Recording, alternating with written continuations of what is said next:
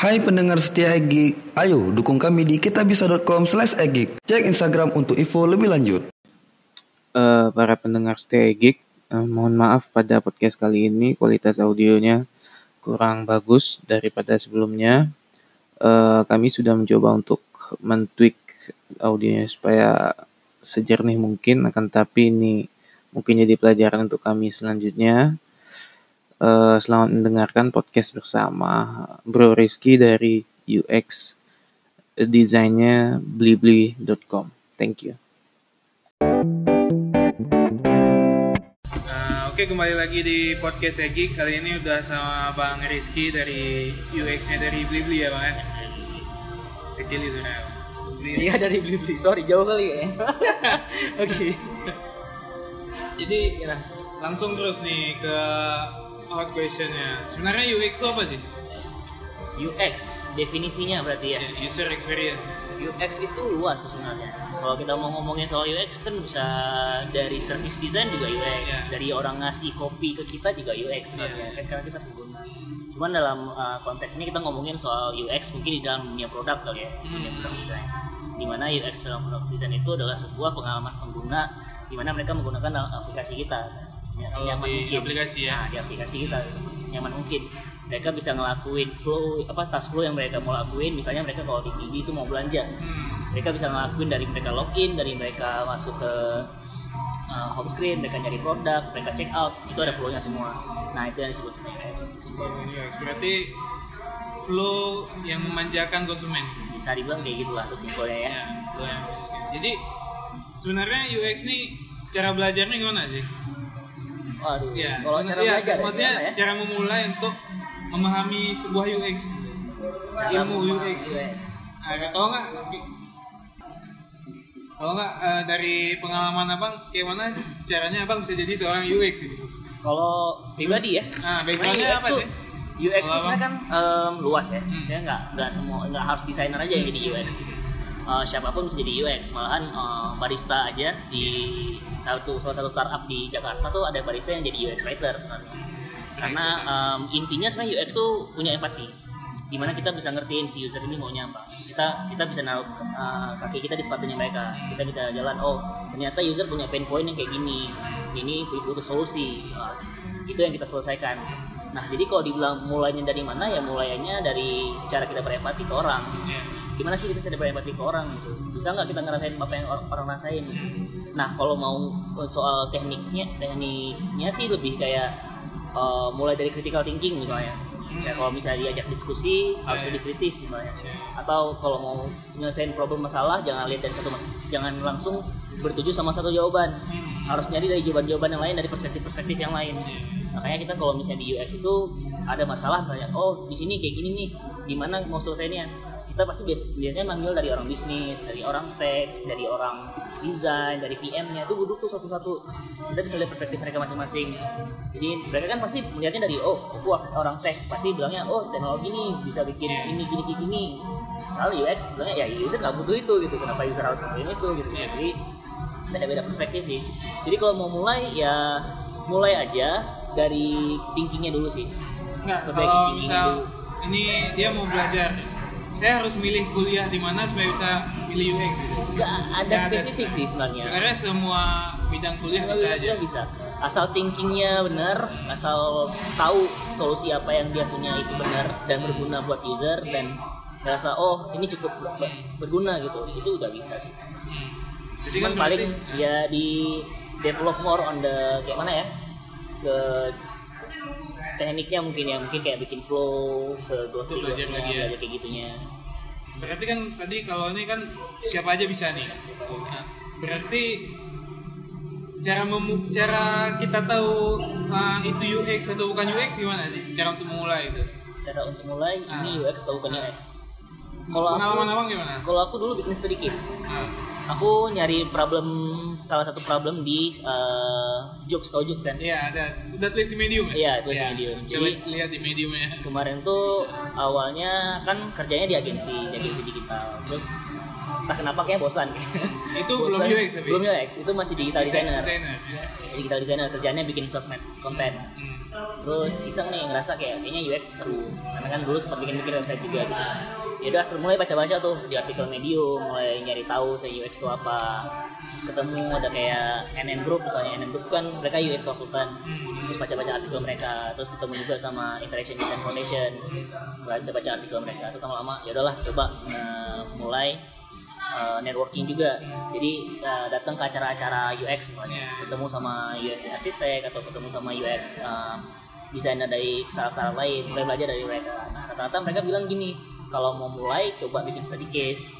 Tadi case. Uh, bikin study case dari suatu problem apa aja terserah mau bikin uh, study case soal kode NAC misalnya cara orang bikin kopi itu kok kayaknya selalu pahit misalnya Iya. nah itu kan ada problem tuh bikin study case kayak gitu kenapa alasannya kenapa user nggak suka pahit semacamnya cuman saat itu bikinnya uh, jokes. Karena nah tuh mikirnya kenapa kok di aplikasi jokes itu banyak banget cara tutorial uh, cara pakai jokes Oh, di gitu. Play Store. Ya, ya, ya. bingung dong padahal Iya, ada iya, aplikasinya. Iya, di iya. situ udah ada tutorial on screen. Tapi kok di Play Store masih ada cara memakai jokes cara download jokes cara ini ini. Itu kan problem kan. Iya. tapi kan ada masalah dari UX-nya nah, Pain-nya itu, ya itu kan pain point padahal eh, udah jelas-jelas jokes itu cuma cara pakai cuma dengar musik doang gitu. Iya. kenapa Spotify nggak punya kenapa jokes punya? Ya udah akhirnya coba dalamin itu nyari tahu kenapa bla bla bla. Oh ternyata setelah di telah-telah ternyata information architecture-nya si Jux ini bermasalah jadi mereka tuh maksain kontennya itu bener-bener kayak dipak- ditaruh di home screen semua tuh konten semua gitu kan. Jadi orang bingung nih aku mau dengar konten yang mana gitu. Apa mau dengar podcast duluan misalnya atau mau dengar yang di eh, referensiin ke aku. Apalagi kan kalau nggak salah saat itu Jux itu belum ada personalization. Jadi lagunya itu cuma top 5, top 10, Oh, top iya, ini iya. kan orang belum tentu suka kan. Jadinya ya udah butuh kayak cara pakainya gimana gitu. Akhirnya ngeri desain information architecture-nya terus ngeri desain UI-nya juga sama UX flow-nya juga diganti terus cara mereka cara user nge-discover pro- apa lagunya juga diganti Eh, posting nih di Medium akhirnya coba submit ke kalau nggak salah Musli Itu memulai diri sebagai UX. itu mulai dari Dengan UX, beda nah. ya. terus eh, coba iseng-iseng nih posting ke ke Musli Hmm. Musli itu kan salah satu publication di eh, Medium kan posting submit ke mereka di approve pas udah di approve ternyata blow up Iya. banyak yang baca.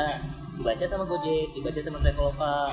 Nah, akhirnya mereka eh, coba invite buat interview. Nah di situ eh, ketahuan nih ternyata ya mereka value itu tuh bukan desainnya kalian bukannya UI kalian yang bagus banget bukan. Tapi cara cara kalian berpikir cara kalian nyelesain suatu masalah.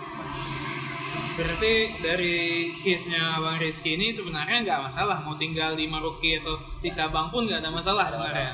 Sebenarnya tuh gara-gara um, apa menyelesaikan sebuah case yang jadi pain orang ya. Dan, dan kebetulan dipublik, dipublikasikan di tempat yang tepat. yes.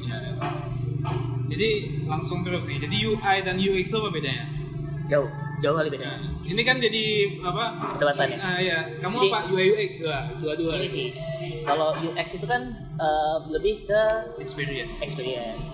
Eh, UI itu experience juga. Cuman UX itu bulatannya UI itu cuma dalam bagian kecil di dalamnya UI itu cuma apa yang dilihat sama user dan apa yang bikin user ngerasa ngerasa kayak senang gitu. Pas lihat eh warnanya bagus ya. Oh gini enak ya pakainya. Oh ini buttonnya bener ya kayak gini gini mereka yang pikir button kan sama user mereka ngerti nggak cara tekan nge- ngebedain button uh, delete Hmm, oh, kalau iya. sama misalnya gitu kan kiri kanan gitu. Button delete nya mana gitu. Kalau nggak dikasih eh, kan pasti kan eh, mereka kan pengen ngelakuin delete nih misalnya tas mereka udah pengen ngelakuin delete dalam UI misalnya kita kasih warnanya warnanya sama-sama merah bingung dong. Iya. ini merahnya merah submit atau merah merah delete nah itu UI tapi kalau UX itu adalah flow-nya kalau misalnya dari sini eh, kita misalnya contoh di Blibli masukin barang misalnya ke dalam checkout nah UX-nya adalah mereka tekan tombol ini terus mereka masuk ke dalam checkout terus mereka tekan tombol ini ke sana gitu kan. Nah UI-nya itu untuk yang bikin user tahu yang mana yang mereka harus diklik nah kayak gitu. Visualisasi. visualisasi beda dengan kayak gitu. Tapi kalau misalnya mau argumen soal UI UX tuh gede banget sih sebenarnya itu bisa dilihat di BB Design itu kemarin tuh kita sempat ngejelasin soal itu apa bedanya UI sama UX Nah, jadi kalau aku pernah baca di UX itu ada namanya user centered design. hmm. Berarti apa tuh? Bisa jelasin nggak? User centered design. Eh, kalau diartikan berarti lebih uh, mau apa melihat customer yang maunya gimana sebenarnya itu kan poin per, poin pertamanya Iya, UX sebenarnya. sebenarnya itu kalau menurut aku itu cuma terms doang sih. Karena setiap desain yang kita mau lakuin ya kita harus mikirin user dulu gitu. Tanpa user apalah kita, kita dan masalah apa yang kita mau selesaiin sebenarnya. Karena kan eh, kita ngedesain itu untuk menyelesaikan masalahnya si user berarti itu aja udah user centric Iya. design gitu kan. Untuk menurutku itu cuma terms doang. Jadi ingat aja pokoknya kalau misalnya mau ngedesain sesuatu apalagi solusi itu harus tahu dulu di duduk masalahnya apa. Kalau bisa nanya lima kali untuk why-nya kenapa misalnya user kenapa ini terus dia jelasin gini ya udah kenapa gitu. Dia jelasin lagi ya udah kenapa. Sampai pokoknya sampai ke akarnya. Karena kadang-kadang apa yang user mau itu belum tentu yang dia butuh sebenarnya. Iya. dia bilangnya oh aku oh, pengen pengen pengen gini lah pengen, gitu. ya, pengen gini lah. Tapi nggak butuh. Tapi dia nggak butuh. Sebenarnya. jadi yang ada kita ngiranya oh user butuh ini user butuh ini. Tapi kita yang ada capek gitu kan. Ternyata pas kita keluarin yang butuh cuma dua orang. Dari 10 skill orang yang diperlukan tuh untuk memilah-milah jawaban itu juga iya. penting nah itu di situlah gunanya ada user research. Hmm. di situ ada gunanya yang namanya usability test user research atau field research. Itu UX researcher yang uh, biasanya ngelakuin itu. Tapi UX designer juga bisa kok. Barengan aja sama mereka. Karena kan kalau UX researcher itu kerjanya lebih gede lagi sebenarnya. Iya. karena mereka nyari data terus mereka harus bikin skenario juga. Terus mereka juga harus uh, datang ke user. Jadi kerjaan mereka lebih berat sih bisa dibilang. Karena susah sih. User research itu susah sebenarnya. Nah, kalau abang nih UX designer ya? UX designer. Kan kalau aku pernah dengar ada UX designer ada UX writing ya? Hmm. Itu ada tadi UX research strategi gitu ya banyak Yes, kayaknya banyak banyak banyak, banyak. Jadi di tim kita sekarang itu kayak di Billy itu kita punya lima kalau nggak salah. UI designer, UX designer, UX researcher, UX writer, sama UX engineer. Itu masing-masing punya role Yang mereka. engineer itu apa ya? Nah, yang UX engineer ini itu saat ini mereka ngebantuin untuk bikin desain system. Hmm. Jadi kan kalau kalian tahu eh, kita kalau bikin suatu apps itu kan kadang-kadang nggak suka nggak konsisten karena desainernya berbeda-beda. Ya, Habis itu developernya juga berbeda-beda nih. Kadang-kadang satu button aja, ukuran button itu bisa berbeda-beda. Iya. Ada yang 44 pixel, ada yang 60 pixel. Nah, UX engineer ini yang eh, ngerjain itu semua. Mereka yang ngefokusin supaya semuanya itu konsisten across platform. Mau dari mobile, apps, desktop, itu harus sama semuanya. Nah, mereka yang biasanya nge-translatein apa yang desainer, UI designer udah bikin. Hmm. saya desainer udah bikin oke si- eh, bikinnya bu- button semua platform itu 48 pixel ya. Nah dibikin jadi coding sama mereka. Jadi kalau UI designer bikinnya eh, sketch file misalnya, atau library kit kitnya untuk UX atau UI designer kalau mereka bikin library kitnya untuk si developer Jadi itu ngedevelop ya, ngedevelop Ngedevelop. ke app, ke web dan lain-lain. iya tapi mereka nggak nge-develop apps-nya mereka Oh, lebih tapi nge-develop lebih buat eh, apa peraturan gitu ya? um, library istilahnya Oh, library ya, Ah, library. library-nya. jadi kalau misalnya developer kan pasti bisa mau manggil button tinggal pas A Oh button iya, gitu. maksudnya iya iya iya. Ya, kayak gitu kan nah, tinggal manggil doang jadi developernya nggak ngulang dari awal lagi Hmm, mereka bisa iya. lebih fokus ke API-nya gitu. Udah disiapin semua nanti tinggal pakai pakai pakai. Nah, ada yang bilang bahwa UX design itu uh, sebuah perjalanan journey, a journey and UI itu destination. Hmm. soal argumen itu? Setuju nggak? gimana ya? Kalau itu sebenarnya jujur belum pernah dengar ada yang ngomong kayak gitu. Kayak UX itu journey UI itu destination. Kalau kita bilang destination berarti goals. Kalau kita bilang goals UI itu bukan goals. UI itu harus barengan sama UI sama UX gitu goals itu adalah um, kepuasan user Hmm. kita bilangnya UX itu journey UI dan UX has to be a journey the goals is has to be the user satisfaction sebenarnya kan jadi um, kalau bilang setuju sih enggak karena karena ya kayak bilang tadi UX itu gede gitu UI itu cuma part of it Iya. Jadi setelah mempelajari UX nih kan, benefitnya apa aja sih? Benefit ya wah Iya. banyak bisa Iya. diimplement ke hidup juga misalnya Ya, ya betul karena karena tadi kan UX tuh nggak bisa eh bisa dipelajari oleh siapa saja dari bidang mana saja sampai barista pun bisa ada di gitu. UX itu gimana ya itu kayak mindset sih sebenarnya Iya. jatuhnya. karena kan kita uh, berempati sama user kita uh, cari tahu nih sebenarnya pain point user apa dan lain-lain coba implement itu di dalam suatu komunitas misalnya kayak kita lagi rame-rame begini kan ada teman yang sedih gitu kita kan lebih lebih bisa berempati sama dia kan. Oh dia sedih kenapa? Kita nanya hal yang benar gitu. Kita nggak salah nanya sampai kita ngedirect mereka sampai bias. Kenapa kau sedih soalnya emang sedih kok harus gini gini terus ini nah jadi kan itu ngedirect sesuatu kan. Jadi kan dia ngerasa kayak apa sih kawan gini? gitu. Jadi kan kalau kita bisa implement UX kan kita bisa lebih berempati. Terus kita bisa tahu sebenarnya solusi masalahnya dia apa. Saya masalah dia apa. Terus gimana cara kita ngesolus apa nyari solusi masalahnya dia sama-sama. Jadi mindset sih UX itu mindset gitu Berarti lebih ke kayaknya critical thinking sangat penting di Penting, penting. di UX. critical thinking itu uh, Bab satunya wajib wajib. Karena itu juga cara kita buat ngedefend desain kita nanti. Kar- apalagi kalau misalnya di startup gede itu kita bakal di challenge terus. Oh, iya. kita punya solusi kita presentasiin bisa ke stakeholder. Mereka bakal nanya alasan lo apa kenapa bikin kayak gini? Punya datanya nggak kita dari tim uh, marketing misalnya kita punya data kayak gini loh. Kok beda sama data kalian? Nah terus kan itu harus dicecar terus tuh. Nah kita kan harus berpikir kita kritikal gitu kan. Eh oh nih dia nanya kayak gini sebenarnya dia tuh yang taunya yang ini bukan yang ini gitu ya. Nah, jadi jelasannya beda lagi. Sampai mereka oh benar juga ya yang bilang. Ya udah gue setuju. Tapi ya itu tadi kita harus tahu juga cara komunikasi ke stakeholder harus cara cara kita nyelesain masalah juga tahu. Karena kan itu kalau kita bisa bisa ngerti soal critical thinking kan kita nggak makainya cuma cari masalah doang. Saat komunikasi juga kita bisa pakai gitu. Jadi ya penting sih critical thinking. Sama kalau bisa ya belajarlah soal design thinking yang katanya harus uh, idiot apa-apa apa Iya, itu. ada kayak rulesnya gitu. ya. rules-rulesnya itu. Karena kalau menurut aku begitu kalian udah kerja di startup apalagi yang uh, agile yang kalau sekarang kan agile waterfall tuh Uh, kalau sekarang agile lebih kalau kita di tuh lebih fleksibel gitu. Kadang-kadang bisa masukin duluan ntar ini keluar lagi ntar masuk yang lain terus coba tiba-tiba development mulai startnya nanti kap di awal atau apa gitu. Nah itu kan lebih agile lagi lebih Iya. fleksibel lagi. Nah kita jadi design thinking tuh nggak semuanya bisa diterapin di seluruh company. Karena kayak aku kemarin pernah di thread nggak eh, semua company itu punya masalah berbeda-beda. Iya. Eh, jadi solusi juga beda-beda. Jadi ya yang paling penting ya critical thinking gimana cara selesai masalah itu jangan terpaku sama satu term kayak design thinking harus kayak gini gini gini yang penting cara kita pivot pivotnya itu loh kayak oh kayak gini berarti aku harus selesai kayak gini gitu lah Oke. Eh, jadi untuk sebagai seorang UX guy, ini desain ya? Iya. Nah, desain. Sebenarnya tool yang paling esensial itu apa aja? hmm. Pensil sama kertas ya Cuma itu aja. kayaknya yang paling pertama itu Iya. karena ide itu bisa nongol kapan aja terus juga begitu ide nongol kan kita langsung bikin flow biasanya mau ke mana mau ke mana mau ke mana. Nah, biasanya kalau aku tuh nyoret nyoret ada solusi eh, button misalnya di atas. Button di atas gampang kan ngekliknya gitu. Oh ternyata ini tas main tas. Jangan di atas lah di bawah. Ya udah coret di bawah. Tapi kan kalau misalnya kita bikin langsung di komputer lamanya kita ngeliat komputernya. Mikirnya dulu kan nih buttonnya di atas di bawah ya. Karena kan kita mikirnya udah kayak nih kalau ini harus selesai langsung. Gimana kalau di kertas itu kan bisa cari-cari dulu. Lagi kayak gini juga bisa cari-coret cari-cari dulu sampai dapat solusi yang paling baik Jadi aku ada baca juga bahwa hmm, UX tuh dia nggak ada hentinya, ada nggak ada hentinya. Karena eh, apa perubahan customer itu akan berubah, berubah, berubah, berubah, setiap akan berubah. setiap tahunnya aja bahkan kita harus ganti persona baru Ya, setiap gimana tahun. tuh?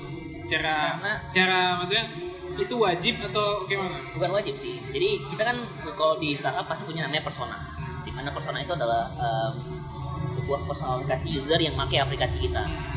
Itu kan hasil research. Kita Ya. tahu target kita apa. Kalau misalnya di marketing itu bilangnya cuma targetnya misalnya kelasnya A kelas B karena kan kalau marketing dia dari sisi keuangan. Mereka lihatnya dari bisa nggak daya beli si user ini buat beli produk kita? Jadi kalau di Blibli ini, kalau di Case-nya- di mana pun lah case-nya sebenarnya. Blibli. tapi itu di di mana pun sebenarnya. Karena marketing ya, mikirnya Iya, pasti. gimana cara kita menjual sesuatu gitu. Tapi kan kalau user ya, masalahnya adalah kita gimana cara menyelesaikan suatu masalah. Apalagi suatu masalah user. Jadi kita harus tahu dulu nih personifikasi user kayak gimana. Yang tahu dulu ternyata pain pointnya mereka apa kita ini apa. Ya udah jadi em, tadi tanya apa sorry lupa? Nah, apa UX itu adalah journey. Oke, journey. Jadi Itu eh, nggak akan berhabis. oh iya. nggak ada habisnya. dan masalah user kan bertambah terus setiap tahunnya. Ada yang kadang-kadang mungkin tahun ini mikirnya, ehm, oh kok handphonenya panjangan ya? Handphone sekarang kan gede nih, Iya, iya, iya. ya kan? Kok gede banget ya? Apa nih bisa di atas ya? Oh, pain point nih susah. Ternyata tahun depan handphone udah bukan handphone lagi. Ternyata di mana orang harus mulai bawa tablet. Karena kayak gini kayak gini, masalah baru lagi. Jadi setiap tahun itu pasti ada masalah baru terus. Atau ya either itu atau regenerasi user. di mana yang usernya kita umurnya targetnya saat itu misalnya 24 jadi yang 24 ini jadi 26 sekarang mindsetnya berbeda nah kita kan dari 24 yang baru ini kan yang dari 17 di mana mereka udah beda generasi nah mereka kan masalahnya beda lagi Iya. Nah, jadi berlanjut terus. Jadi solusinya tuh ya harus cari terus kayak gimana, kayak gimana. Tiap hari research terus. Pokoknya research itu nggak pernah berhenti sih. Tiap hari mereka pasti ada hal baru yang harus di research. Terus juga kemarin sempat nongkrong sama anak Gojek, sama Traveloka, oke. ah, sama Traveloka, sama Bukalapak. Kita ngomongin soal eh, desain sebenarnya. Kapan desain itu berhenti? Lima tahun lagi kalian desain itu jadi apa sih sebenarnya? Itu jadi apa sih? Dalam sih ini pertanyaannya Iya. tapi kan setelah kita pikir-pikir oh dia sempat ada yang sempat cerita nah Traveloka sempat cerita dia bilang gini eh, dia sempat ketemu sama satu orang nanya kayak gini Eh, terus satu orang ini tuh dulu kerjanya di Amerika di Idaho kalau nggak salah. Dia itu yang ngedesain komputer. Mereka bikin nih desain komputer. Bikin desain komputer gendut bla bla bla. Harus user harus posisinya harus nyaman. Oh, iya. duduknya harus bagus gitu gitu ternyata setelah mereka ship softwarenya orang nggak ngerti. Ini klik yang mana ya? Ini ini yang mana ya? Kan itu discover new problem kan nah kita sebagai desainer pasti kita bakal discover new problem terus. Selama kita journey kita ngedesain itu pasti ada problem terus. Kayak eh, kita udah ngedesain ini. Ternyata pas kita udah ngelakuin nge-ship ke user user nemuin masalah baru. Kenapa nih kayak gini kok nggak bisa dipakai ya?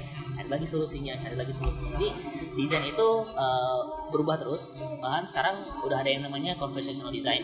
Itu mereka desainer buat bot. Buat bot. Bot, oh Nah, bot. ya. Jadi mereka bikin yang if this then then gitu loh. Jadi kayak dari sini ke mana, dari sini ke mana. Mereka bikin task flow-nya kayak gitu. Itu beda lagi kan desainnya. Misalnya UX, cuman UX for bot jatuhnya, ya kan. Jadi em, kalau ditanya UX itu jernih, benar jernih. Tapi desain is sebuah jernih juga sama. Nah, jadi paling bedainnya eh, UX lebih luas, desain itu part of it. Tertarik tadi sama apa? Urusan HP makin besar. Hmm. Jadi aku kan eh, apa Apple itu kan selalu revolutionize thinking ya. Misalnya dia keluarin hal yang baru. Kan Tadi kan ada kontradiksi kalau UX tuh ngelihat eh, apa ngelihat customer tuh maunya apa. Hmm. Tapi kan kalau kayak Apple tuh dia mengenalkan hal yang baru yang bahkan di awalnya dibenci gitu. Tapi at the end semua nyontek dia gitu. Iya. Kayak notch atau apa gitu atau kamera yang itu gimana? Kalau sebenarnya itu the power of brand juga sih. Iya. ya. Jadi tapi kan Predictive. sebelum itu sebelum itu mereka juga ngelakuin research. Mereka nggak mungkin ngeluarin Iya. sesuatu tanpa user maunya apa. Pasti kan kalau misalnya handphone gede, kenapa handphone gede? Karena user butuh konten yang lebih banyak misalnya. Mereka butuh melihat sesuatu yang uh, demand-nya adalah kok gue nggak bisa ngelihat banyak screen sih chat uh, di Twitter misalnya kalau misalnya HP kecil bisa lihat cuma tiga tweet. Gue sebagai user pengennya bisa lihat lima tweet gitu. Ya udah HP-nya harus besar. HP-nya harus makin besar dong sebenarnya. Mungkin salah satu itu masalahnya gitu. Tapi kalau misalnya kayak notch atau kayak desainnya atau apa itu itu lebih ke power brand. Itu karena mereka wow gede banget ya ini uh, Apple gitu. Jadi mau nggak mau ya ya Agar komponen yang lain harus follow gitu itu kalau mau nonton soal itu itu ada di YouTube ada nama YouTube channelnya namanya Tech Altar. Dia sempat ngejelasin soal itu. Soal kenapa kok Apple itu banyak yang ngikutin. Kenapa kok Apple nggak pernah mau ngikutin orang tapi Apple selalu diikutin sama orang. Itu ada di videonya. Itu bisa dijelasin nanti. Bisa di kalau lagi lah soal Iya. itu Karena mostly hampir semua perusahaan besar di dunia ini nyontek Apple gitu. ya Mulai dari desain sampai softwarenya gitu. Nah, ada, suatu waktu dulu sejauh karena gini sih mungkin karena Apple itu udah terlalu besar dan em, UI mereka kan gampang dimengerti UI dan UX mereka gampang dimengerti. Jadi mau nggak mau company yang lain itu harus meniru mereka supaya mereka bisa nyolong eh, user-usernya Apple dulu. Hmm, jadi nggak perlu tutorial lagi. tutorial lagi. Gitu. jadi mereka kayak oh ya udahlah pengguna Apple kan dulunya. Pakai kita aja kita sama juga kok kayak Apple Oke ini udah panjang lebar nih tentang UX. Kayaknya kalau belum ngerti bisa nonton YouTube aja ya. bisa kalau nonton YouTube. Atau baca artikel. Kalau menurut aku tuh Yang paling UX powerful itu artikel. em, artikel atau dengerin talks orang misalnya di TED di TED Talk. Jadi jangan kalau menurutku tuh jangan terlalu terpa- terpaku sama UX top gitu. Kayak em, oh mau belajar UX belajar UX doang. Jangan. Mendingan baca dari semuanya segala, segala sisi. Bisa aja dari psikologi aja dari em, magic misalnya ada yang di TED Talk misalnya ada ngomongin soal magic cara cara mereka bikin magic gimana Main gitu kartu main kartu gimana gitu Nah itu kan ada yang bisa kita serap juga. Soalnya kan main kartu itu nggak sesimpel main kartu, gitu. ada thinking yang goes di, belak- di belakangnya. Nah Tricks. triknya itu yang dia bikin trik gitu. Nah itu itu, itu aja kita bisa pelajari gitu loh. Karena kan oh, oh ternyata cara berpikir magician tuh kayak gini. Coba ya aku tiru ini dan aku implement di US 1 itu bisa jadi sesuatu yang baru, bisa jadi sesuatu yang re- re- revolusioner sih sebenarnya. Ini aku punya pertanyaan terakhir tentang UX. Boleh. Gimana cara kita tahu, eh cara kita mensertifikasi bahwa kita tuh UX? Nah, itu masih ada jadi argumen sekarang. Iya. Jadi ada dua sisi kan, Eh, praktisi sama eh, apa orang yang udah belajar. Ya, praktisi sama apa satu lagi yang namanya? Yang Oh, akademis. Akademis. Nah, jadi kan kalau akademis itu kan orang yang misalnya udah ngambil kelas di eh, salah satu institusi UX Iya. di Indonesia atau di kalau misalnya di Google kan ada Google Expert Design kayak gitu kan, certified. Ada online learning juga kan ya, buka gitu kelas. Jadi kalau mau ngerasa, oke, aku udah UX, Hmm. masalah apa sih yang udah lo selesaiin? Itu itu, itu, itu. masalah apa sih yang udah lo selesaiin works nggak sol- sol- solusi lo itu dan solusi lo itu kepake nggak sama 10 juta user yang ada atau minimal 10 ribu user lah sama semua nggak solusinya kayak gitu jangan cuman ternyata ngedesain sesuatu tapi yang pakai cuma solusinya untuk dua orang. Jadi yang lain ngerasa kalienasi gitu kayak ya udah gue bisa apa? Gue nggak tahu Ya, nih cara pakai gimana. Dia mengaku UX tapi itu pandangan dia semua. pandangan dia sendiri aja. Iya. jadi tetap harus ada validasi dan data. Data tuh yang paling penting sebenarnya. Begitu dia udah rilis suara ini sesuai KPI yang dia reach nggak? Sesuai matriksnya karena matriksnya kalau product design kan. Sesuai metriknya dia nggak? gitu misalnya dia mau metriknya dia dia pengen kejar klik atau apa dapat nggak data itu? Kalau misalnya nggak dapat data itu berarti dia bukan UX dia belum bisa disebut UX karena dia belum menyelesaikan masalah. Berarti seorang yang terlalu pragmatis nggak bisa jadi UX ya. bukan nggak bisa jadi mungkin belum waktunya. Karena masih banyak yang harus dia explore gitu kan. Karena UX itu kan harusnya ekspor terus. Nah, kita nggak jangan pernah berhenti belajar sih kalau di UX begitu berhenti belajar kita bakal ketinggalan itu aja Oke, kita udah panjang lebar nih tentang UX. Ini kita tanya tentang Bang Rizky aja. Ini Bang Rizky lima tahun ke depan mau ngapain ya? mau cari masalah baru kali ya? cari masalah sama orang enggak lah paling kalau aku lima tahun depan dari sisi apa dulu Ini sekarang dari sebagai desainer UX di Blibli sekarang. Ini mungkin dalam setahun Karir. dan lima tahun ke depan. dalam apa dulu karir atau dari Ya apa? desain Jar, jar apa? Visi visi jarak dekat dan jarak jauh apa? Kalau jarak dekat sih saat ini pengen cepet-cepet jadi lead product Oke. lead product di Budi gitu di secara organisasi dan secara private tapi kalau visi lima tahun ke depan itu rencananya mau balik ke Aceh Kayak Bang Nova tuh. Iya, mau balik ke Aceh. Halo, Bang karena, Novan. karena aku ngeliat cukup banyak masalah yang bisa diselesaikan, diselesaikan di mana Aceh ini. Cuman em, orang Aceh ini masih gimana bang ya batu kepalanya belum bisa dikasih tahu gitu. Maksudnya Ya, untuk ya. soal digital masih susah buat menerima gitu ya. Iya. jadi eh, butuh sesuatu dulu. Mungkin kalau eh, ada yang pernah bilang sama aku tuh kayak lu dapatin status dulu lah di luar. Betul, betul. baru bisa balik ke Aceh dan orang bakal dengerin lu gitu. Jadi mungkin kayak gitu. Di di luar bikin status dulu. Misalnya jadi manajer gitu di Budi atau apa balik di Indonesia ke Aceh baru bisa ngomong oh ini tuh gini itu ini gini. Dan orang bakal dengerin kayak oh iya dia orang ini di sini. Kayak gitu sih Terus dari obrolan kita kemarin katanya Blibli ada mau buat kayak apa pelatihan gitu apa, apa workshop gitu ya? Em, ya kita punya learning learning center sih Eh, kalau workshop kita belum sempat bikin Hmm. tapi planningnya ada Hmm. Eh, paling tiap 4 bulan sih ada kalau mau main ke Jakarta mungkin bisa main ke sana sekalian Oh di UX-nya, eh di desain apa tuh? Di Blibli. Iya. Kalau mau mungkin bisa cek di Blibli Design kali ya di Di Instagram. Instagram. Nah, kita punya Instagram Blibli Design. Di situ biasa kita nge-share uh, tips soal UX itu apa, terus juga kita nge-share uh, soal kegiatan kita ngapain aja. Terus tiap Jumat tuh biasa kita ada live streaming di Blibli Hmm. Design Di IG-nya. di IG-nya. Kita karena kan di kita tuh ada punya culture di mana setiap hari itu harus presentasi. Kita Iya. harus punya presentasi, kita harus uh, sharing ke orang-orang mau itu soal UX, mau itu soal hidupnya mereka atau merasa kayak oh kok di tim kita tuh gini gini gini ya gitu.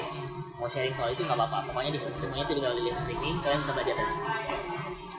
Eh, apa sih yang diharapkan dari Aceh lima tahun ke depan sebelum balik? Apa ya? Mungkin regenerasi anak mudanya kali ya. Jangan terlalu jangan sering banget duduk di warung kopi tanpa faedah.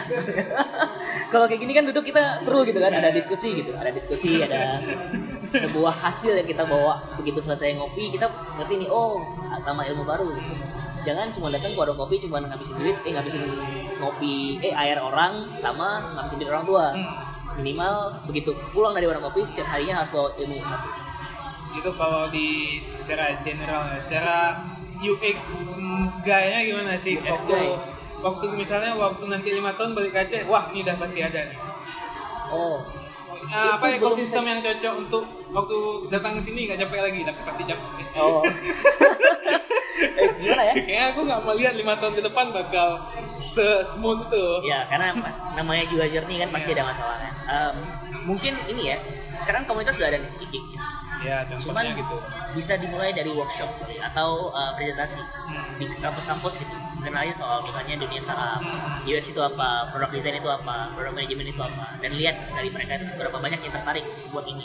Karena aku yakin saya banyak yang pengen tahu soal startup cuma mereka nggak tahu mau ke mana. Hmm. Misal ada yang talent nih bisa UX apa punya interest di UX nih. Ini gimana cara dia itu? Cara dia apa? Kan dia eh, ngaku saya suka UX nih. Berarti kalau dari pengalaman Bang Rizky kan eh, apa buat artikel gitu buat publikasi gitu bahwa saya udah study case gini. Kalau dia tuh nggak ngerti digital gimana sih? Bisa dia tuh kan kalau tadi jokes kan digital ya. Nah, kalau nggak ngerti digital berarti contohnya kayak barista gitu bisa? Bisa. Kenapa enggak? Kalau dia memang ternyata punya solusi atas suatu problem yang memang valid yang udah divalidasi. Bikin aja apa pun itu. Mau bikin podcast untuk sebuah cara dia nge- ngenalin idenya dia nggak apa-apa. Apa pun itu lah itu bisa. Mau dia cerita sama temen-temennya kayak gini itu juga bisa. Jadi sama portfolio itu kan bisa bermacam-macam. Bisa podcast bisa writing bisa study case. Tapi kan mediumnya yang ini kan yang kelihatan itu. Kalau mau kelihatan gampang medium. Maksudnya cara nulis gitu. Kalau mau apa cara orang paling gampang didengar supaya mereka bisa dengerin dalam mereka commuting podcast kayak gitu ya, caranya aja yang berbeda-beda nggak mesti dia harus ngerti digital banget sih. Tadi karena bilang tadi eh, apa pengennya ada workshop gitu gitu. Tapi kan pasti yang di workshop tuh pasti tanya, kalau saya mau jadi UX gimana sih caranya gitu Oh. tadi. Itu maksudnya. Kenapa jawabannya itu? kalau mau jadi UX ya Kan ada pasti Iya. ada. pasti Ya, itu, pasti itu tuh sebenarnya gini ya di di Jakarta aja Hmm. pas ada yang workshop itu itu pertanyaan yang paling sering ditanyain Hmm. gimana sih saya cara- caranya saya jadi seorang UX Hmm. nggak ada caranya nggak ada cari cari UX belajar sendiri gitu Iya. bikin sesuatu bikin uh, portfolio study case thinking apa ide bikin aja sesuatu gitu nah dan nggak begitu udah ada begitu dapat start dapat kerjaan sebagai UX udah praktisi berarti kan bukan akademisi praktisi gitu jadi lu udah jadi praktisi UX Hmm. udah gitu aja. Bukan kayak oh terus kapan saya bisa dipanggil UX ya udah punya buktinya belum? Kalau belum punya buktinya jangan panggil UX Hmm. Mungkin eh, cara simpelnya ngambilnya dulu kelas yang kayak di Udemy dulu mungkin. 20 Bisa, tapi- 20 jam gitu untuk tapi dapat ya, dasarnya gitu. basicnya mungkin bisa dapat tapi Hmm. ya jangan pang karena menurut aku gimana ya jangan panggil diri sendiri UX sebelum orang yang validasi Iya, betul betul betul. Berarti UX tuh gelar tanpa nama. Lihat nama-nama itu bukan sebuah gimana ya karena kan kita nggak punya kampus di sini Iya. jelasin soal itu paling ada eh, ke- jurusan namanya HCI Human Computer Interaction itu aja kan itu kan akademisi tapi Hmm. bukan UX per se gitu. Karena kan itu teori base di mana kasih tau kayak gini gini tapi sebenarnya UX itu kan lebih ke field base gitu. Langsung turun ke lapangan langsung lihat apa sih yang jadi masalah apa ya sih yang bisa gue selesain dan yang itu yang bisa dibilang UX kalau memang kayak ini mau dia kuliah apa pun mau dibilang oh gue lulusan UX gue lulusan ini. Ya pernah pernah kena masalah kayak gini nggak? Kalau belum pernah sih diem aja gitu. Itu aja sih. Oke, udah udah kayaknya udah panjang lebar. Semoga aja nanti lima tahun bisa balik lagi, Allah. Ini lima tahun sampai sini mau buat mau buka company sendiri atau gimana? rencananya kemarin itu tiap tahunnya Atau kan mau bikin startup baru? ini nggak startup baru sih mungkin gini selama lima tahun ini mungkin tiap tahun kalau misalnya balik itu pengen bikin sharing session Oke, sip. pengen bikin kayak kenalan dulu lah dunia startup kayak gimana dunia UX kayak gimana apa sih bedanya UI UX karena Iya, itu iya. jadi pertanyaan terus kan terus mungkin pasti bakal ada pertanyaan bang kalau bisa kerja di UX gajinya berapa bang? Itu pasti ada juga yang nanya kayak gitu. Ya, sesimpel itu sih. Seimbang itu juga pasti ada yang nanya. Jadi mungkin eh, lebih ke awareness dulu aja kali ya. Kenalin ke user, user experience terus kita lihat em, seberapa banyak yang interest. Kalau ternyata banyak ya berarti eh, ada talent di sini ada talent pool yang belum ke touch di sini. Karena jujur nyali talent di UX susah Betul. Karena gelar tanpa tanpa nama tadi. bukan hanya itu kita kadang pun kadang pas interview Hmm. pas kita lihat oh portofolio bagus desainnya bagus gambarnya bagus gitu kita tes thinking nggak sesuai sama kita. Mau ada malahan yang ngomongnya senior UX Iya. ya kan? Di company ini senior UX pas kita tes ternyata levelnya associate. Karena thinkingnya ya sebatas yang dia tahu doang. Padahal yang UX kan kayak tadi dibilang luas gitu kan. Bukan berarti aku juga ada senior banget belum. Aku juga masih belajar di dunia UX cuman ada kasus yang kayak gitu gitu. Seorang UX tuh kayaknya kalau aku lihat harus mulai dengan kertas putih selalu. Nggak boleh punya apa thinking terhadap orang oh dia jelek, nggak boleh. nggak boleh. Kita uh, open minded lah ya bisa dibilang gitu open minded dan um, jangan suka ngejudge orang. Itu kan balik lagi kan kayak mindset gitu kan jatuhnya. Jadi, makanya aku bilang tadi UX itu mindset karena bisa diimplement ke hidup sendiri juga kan. Oke, thank you Bang Rizky udah podcast sama kita nih. gak nyangka tiba-tiba diajakin podcast. Oke, Oke, see ya. oke, see you.